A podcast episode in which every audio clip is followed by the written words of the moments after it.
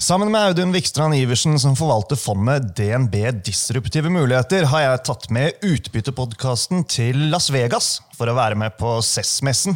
Dette er verdens kanskje viktigste teknologimesse, og her skal vi få et bredt innblikk i fremtidens eh, teknologitrender.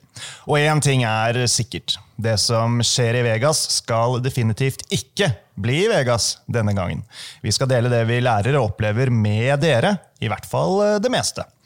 Og siden vi er her i tre dager, skal du som lytter få tre episoder fra oss. Dette her er del to, og i dagens episode skal det handle om roboter.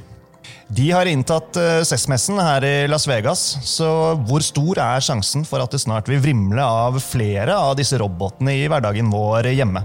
Og er det nødvendigvis en god investeringsmulighet nå? Det får du mer om i dagens episode.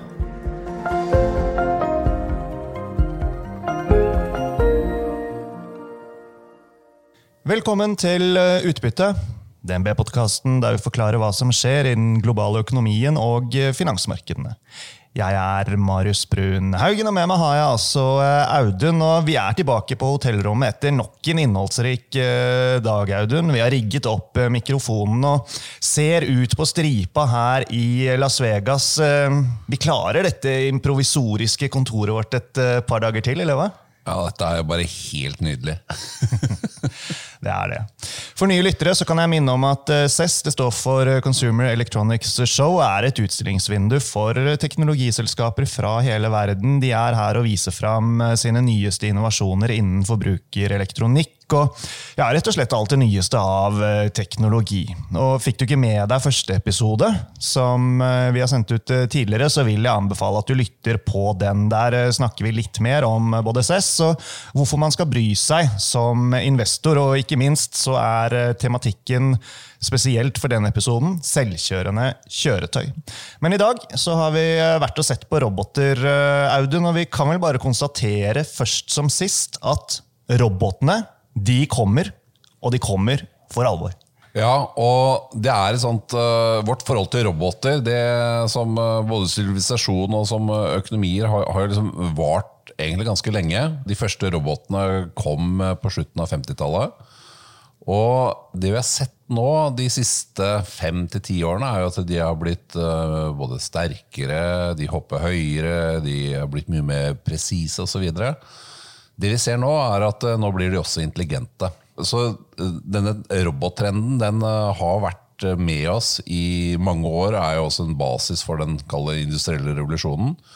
Og Hovedbudskapet med alle maskinene det er at de kan gjøre ting litt raskere og litt bedre. Altså De øker produktiviteten til oss mennesker. Det vil si Vi får økt velferd. Og det er kanskje det mest spennende med hele tematikken. Men det vi ser nå, det er at vi, disse blir nå smartere og smartere. Så nå er det ikke bare det å erstatte hender og føtter, men nå er det også å erstatte litt sånn eh, kognitive prosesser hos oss. altså Den kunstige intelligensen den, den kommer inn i robotene. Robotene har, Tradisjonelt sett så har de vært dumme i den forstand at du må forhåndsprogrammere hva den skal gjøre. Men det er da den også da har vært veldig effektiv. Nå ser vi at uh, nå blir det får de litt større frihet. Nå begynner de å bryte lenkene fra, fra industrigulvet, og de får ben å, å, gå på, og de får hjul å trille på osv. Så, så de kommer mye nærmere oss. Og de er jo i alle former og varianter her eh, på messen, som du sier. De blir flere smartere og kan stadig gjøre flere ting. Eh, de er eh, i lufta, de er på bakken, de går på snøen, de er i vannet. Så det er overalt. Men hvis du skal si litt mer i detalj, Audun. Hvorfor er roboter et sentralt investeringstema for deg og fondet ditt? Nei, og Da er vi litt tilbake igjen som jeg sa i sted, med, med, produktivitet. Fordi eh, Med produktivitet i en sånn økonomisk forstand så kommer det alltid veldig gode investeringsmuligheter. Og, og disse robotene, som, som, som vi, vi har sett det veldig mange varianter i dag, vi har en godbit til i morgen. Da skal vi se litt på det, disse som ligner mer på oss, som kalles humanoids. Mm. Og Vi skal jo snart fortelle om de ulike typene vi har sett på i dag. selvfølgelig. Ja, og så, så disse inntogene, når du sier eh, Marius, at robotene kommer, så, så, kommer de også inn i disse ulike investeringsstrategiene. Og det er ikke så mange eh, som, som uh, har et veldig bevisst forhold til uh, hvordan robotene kommer til å prege investeringene de har i dag. Som, fordi de kommer til å erstatte, de kommer til å være veldig viktige for selskaper og industrier som i dag vi ikke tenker nødvendigvis er veldig utsatte for uh, endringer som kommer som følge av robotene.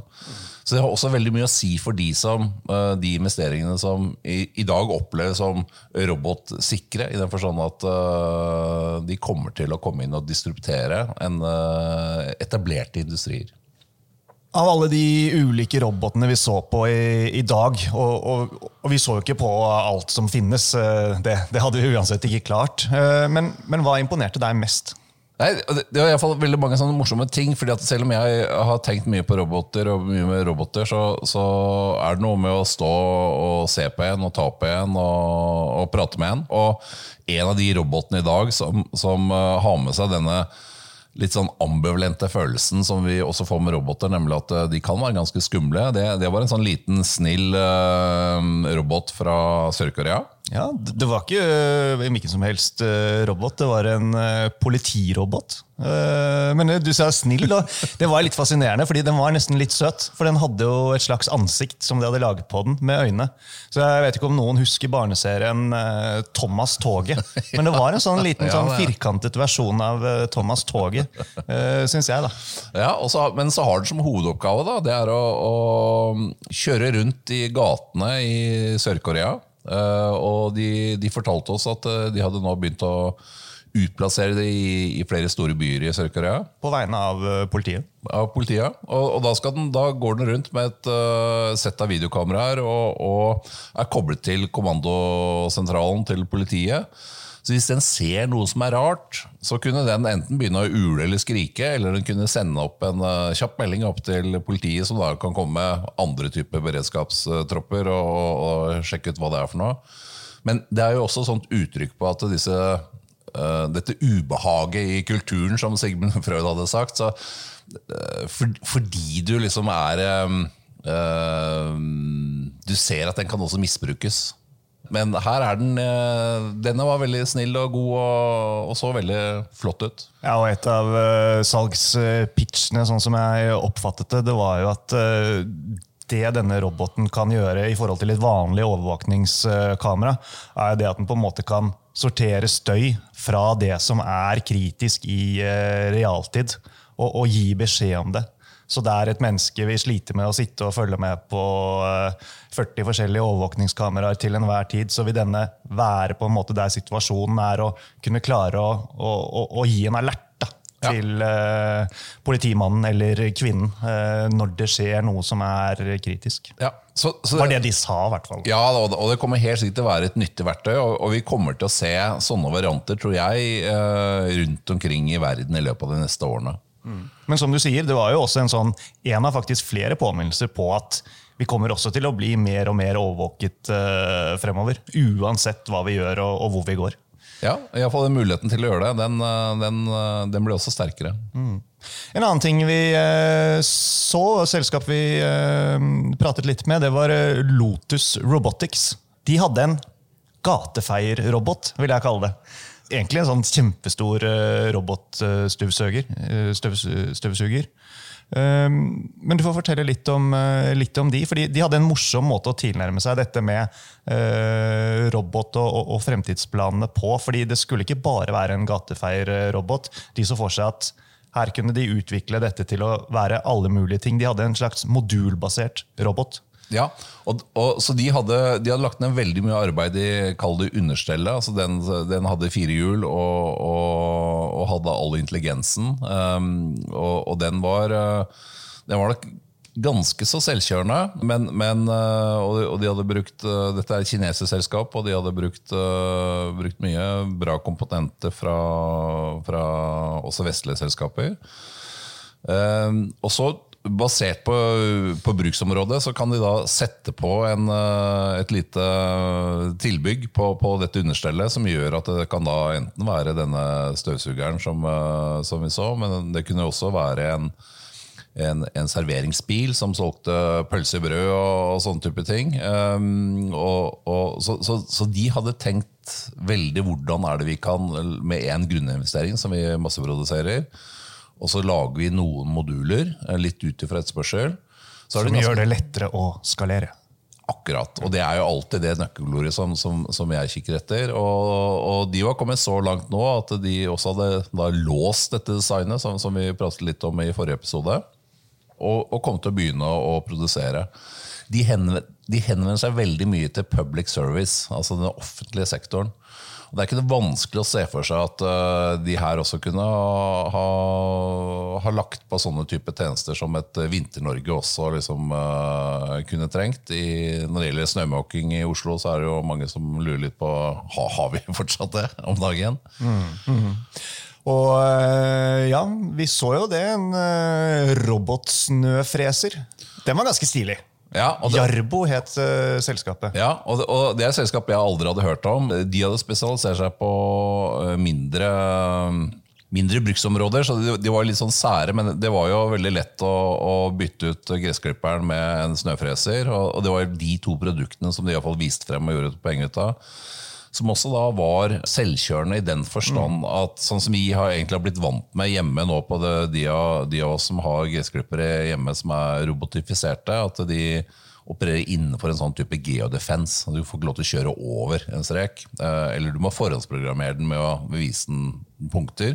Denne her virket litt mer avansert, uten at jeg fikk gått i detalj på det. Som, som nok kanskje gjør at vi Og og det skal vi forvente at alle disse robothusholdningsartiklene som vi har fått, at de i løpet av de neste årene kommer til å gjøre ganske store hopp. Fordi at det er så stor utvikling på software-siden. Nå er det ikke snø her i Las Vegas, da, nær sagt, øh, heldigvis. øh, Så vi fikk jo ikke sett den i aksjon, denne robotsnøfreseren. Men det er klart, vil du overgå naboen, imponere litt hjemme i Norge, da får du vurdere, da. Gå inn og bestille en, en Jarbo den dagen det går an. Ja. Så, så det. Hvis jeg skal si hva som imponerte meg minst, skal jeg gjøre det? Ja, gjør det. Jeg tror det må bli den, eh, de som hadde laget en yogamatte 2.0. Da, da er vi enige om Altså, den. da snakker vi om, altså, de, de presenterte dette som en smart yogamatte, som bl.a.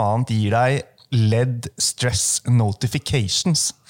Og for en som meg, som blir heller stressa av å få for mange notifications, så forsvinner definitivt meningen med yoga med noe sånt. da. Men eh, for all del, altså, kanskje, kanskje det er jeg som er gammeldags og, og bare ikke har skjønt det. Nei, du. Nei, jeg tror jeg hadde den også på lista mi over ting jeg liksom tenkte at ja, ja, det er ikke alt som går riktig vei.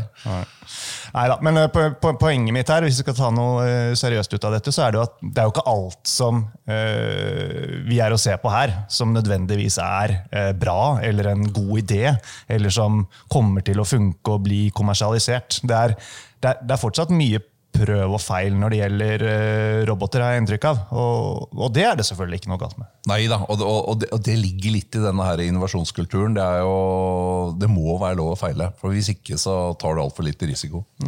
Vi så også en robot som uh, lagde kaffe istedenfor et uh, menneske. Og så satte den kaffen uh, på et serveringsbrett til en annen robot som kom og leverte det til oss. Det fikk meg til å tenke på, altså, Trenger vi egentlig en robot som kan lage og servere kaffe? Og jeg vil jo si egentlig ikke. Eh, Det er i hvert fall mer sånn nice to have and need to have. Men rasjonalet for et selskap det vil jo være at denne roboten er billigere og mer effektiv arbeidskraft enn et menneske. Ja, og så har disse, disse maskinene de har også en annen egenskap som er veldig viktig. det at de kan, Hvis de først begynner å gjøre én ting helt perfekt, så kan de gjenta den. Jeg vet selv, jeg er veldig glad i å bake, f.eks., uh, og jeg bruker aldri oppskrift. Men det gjør jo også at uh, det er ikke alltid jeg lykkes.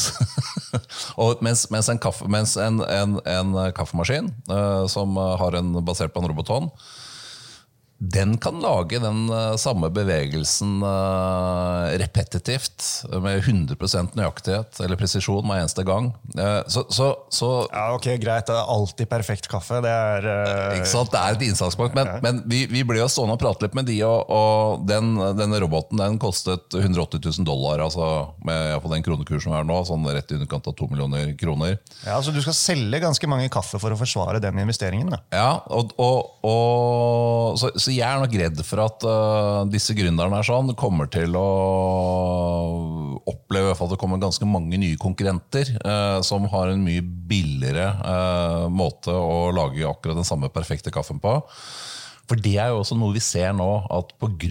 Den, den utviklingen vi har på kunstig intelligens inn mot roboter, er at du kan komme veldig langt nå med små ressurser ved å bruke det vi kaller open source, altså sånne kildekoder som ligger åpent for alle. Mm. Og bare nå de siste månedene så var det tre Jeg tror det var Stanford-studenter som har lagd litt sånn, eh, litt sånn eh, støy og, glede og entusiasme i dette robotmiljøet, fordi at de har, eh, basert på Google sin open source, så har de klart å lage sånne roboter som gjør veldig mye hjemme. Uh, alle de kjedelige tingene som uh, iallfall vi, ofte vi, vi menn ikke syns er så gøyalt. Uh, uh, en kunne og, til og med sette på vaskemaskinen? Ja, eh, og, og, og, det er nok noe vi kommer til å høre mer om. Aloa, som, som, som det programmeringsspråket, eller softwaren, heter. Og det var veldig imponerende med både presisjon og, funksjonalitet, altså hva den kunne gjøre. Og de robotene er sånn.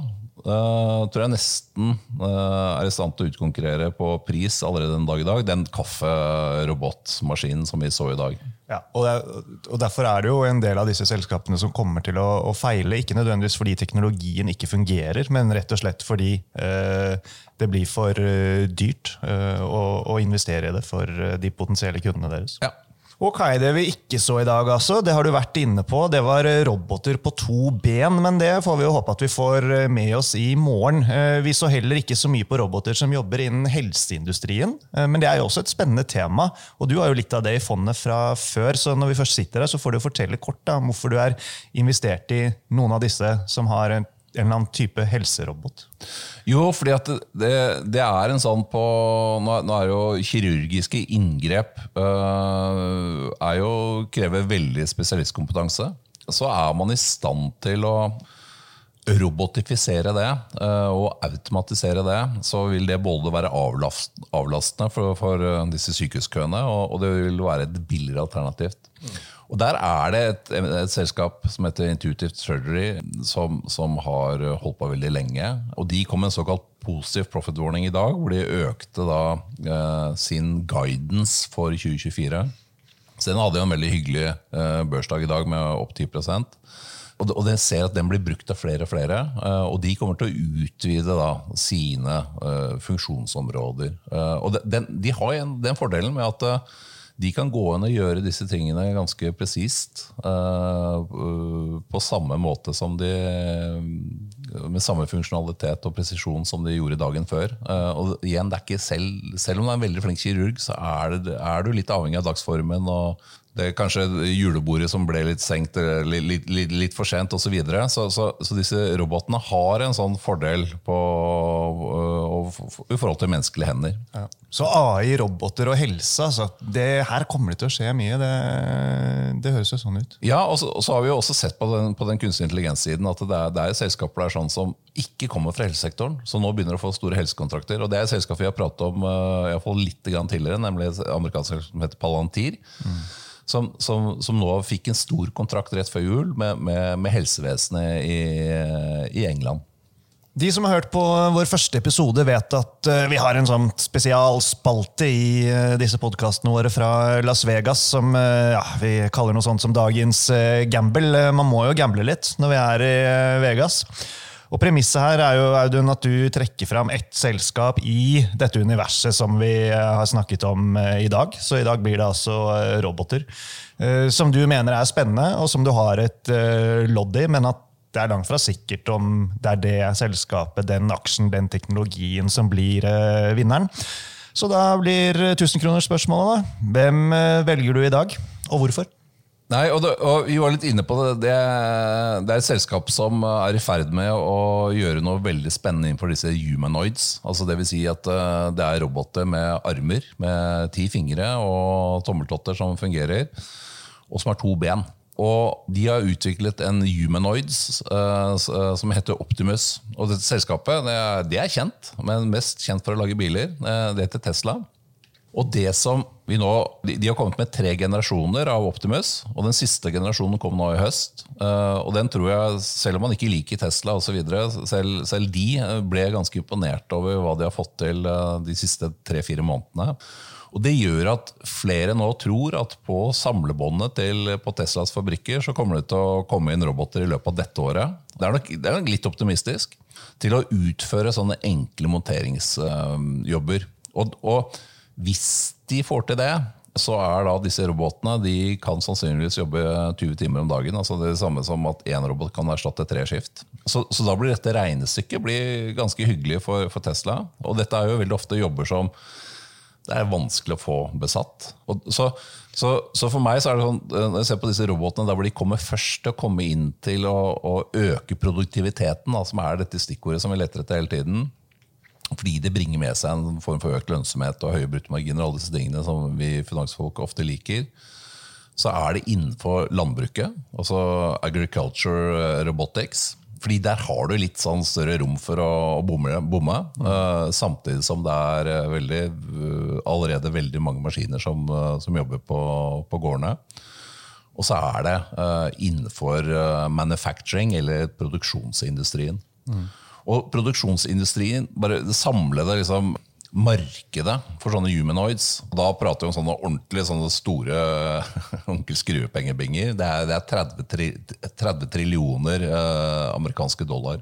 Så, så, så, liksom, så, hvis vi ser at dette her eh, begynner å, å, se ut som at vi, vi, vi, får humanoids inn ved siden av menneskelige arbeidere. Eh, da blir det gøy å være Tesla-aksjonær? Da tror jeg det blir veldig gøy å være Tesla-aksjonær. Og så kommer Det til, det er mange andre som, som også slåss med, slåss om det. og Vi har jo også et selskap i, her i Norge, i, i, i Moss. Mm som, som, også er med på denne, den, denne biten av, av, av eh, robotutviklingen. Ja.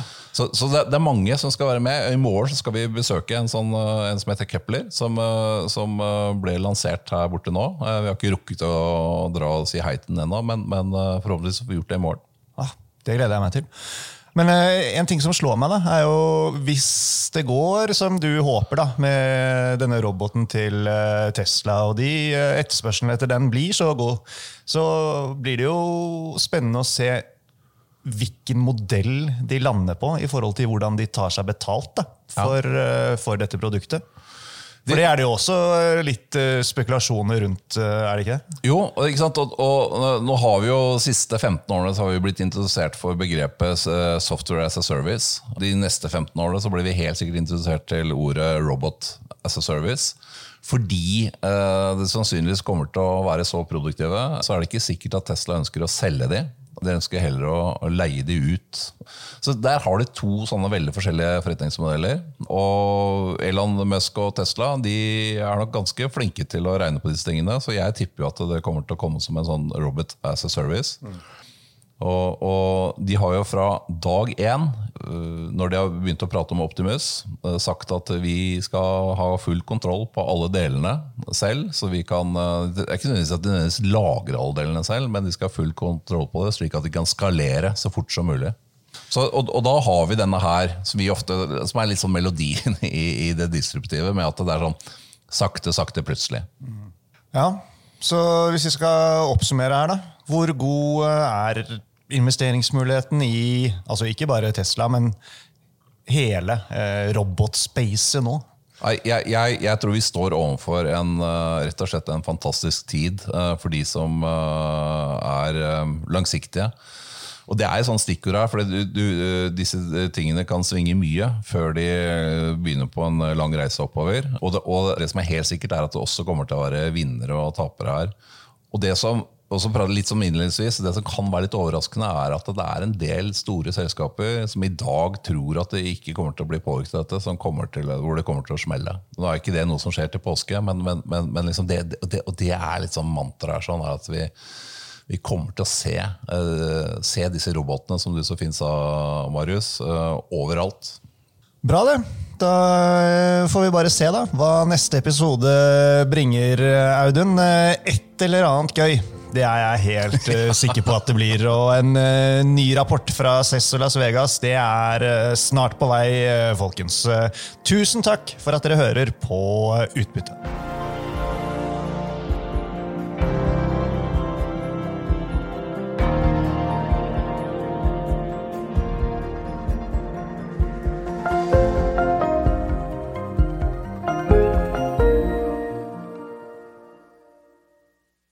Denne sendingen ble publisert i podkasten Utbytte. Innholdet i sendingen er å anse som markedsføringsmateriale fra DNB og er ment å være generell spareveiledning. Sendingen skal ikke oppfattes som et tilbud om å kjøpe eller selge finansielle instrumenter, eller som investeringsrådgivning tilpasset den enkelte investors situasjon. En investor som har behov for råd eller har spørsmål om informasjon som gis, bør kontakte en finansrådgiver. DNB påtar seg ikke noe ansvar verken for direkte eller indirekte tap som følge av innholdet i sendingen legges til grunn for eventuelle investeringsbeslutninger. Husk at historisk avkastning aldri er noe garanti for fremtidig avkastning. Avkastningen kan bli negativ som følge av kurstap. Bruk av prognoser for å beregne fremtidig avkastning er heller ingen garanti for fremtidig avkastning. Innholdet i sendingen bygger på informasjon fra offentlig tilgjengelige kilder som DNB ser på som pålitelige, men som ikke er uavhengig verifisert. Følgelig gir DNB ingen garanti i forhold til nøyaktighet og fullstendighet. Alle uttalelser her reflekterer DNBs, den enkelte ansatte, eller andre tredjeparts vurderinger på tidspunktet for den aktuelle sendingen, og kan i ettertid endres uten nærmere beskjed. Ytterligere informasjon om bl.a. kildebruk og interessekonflikter er tilgjengelig på dnb.no skråstrek invest, bindstrek disclaimer.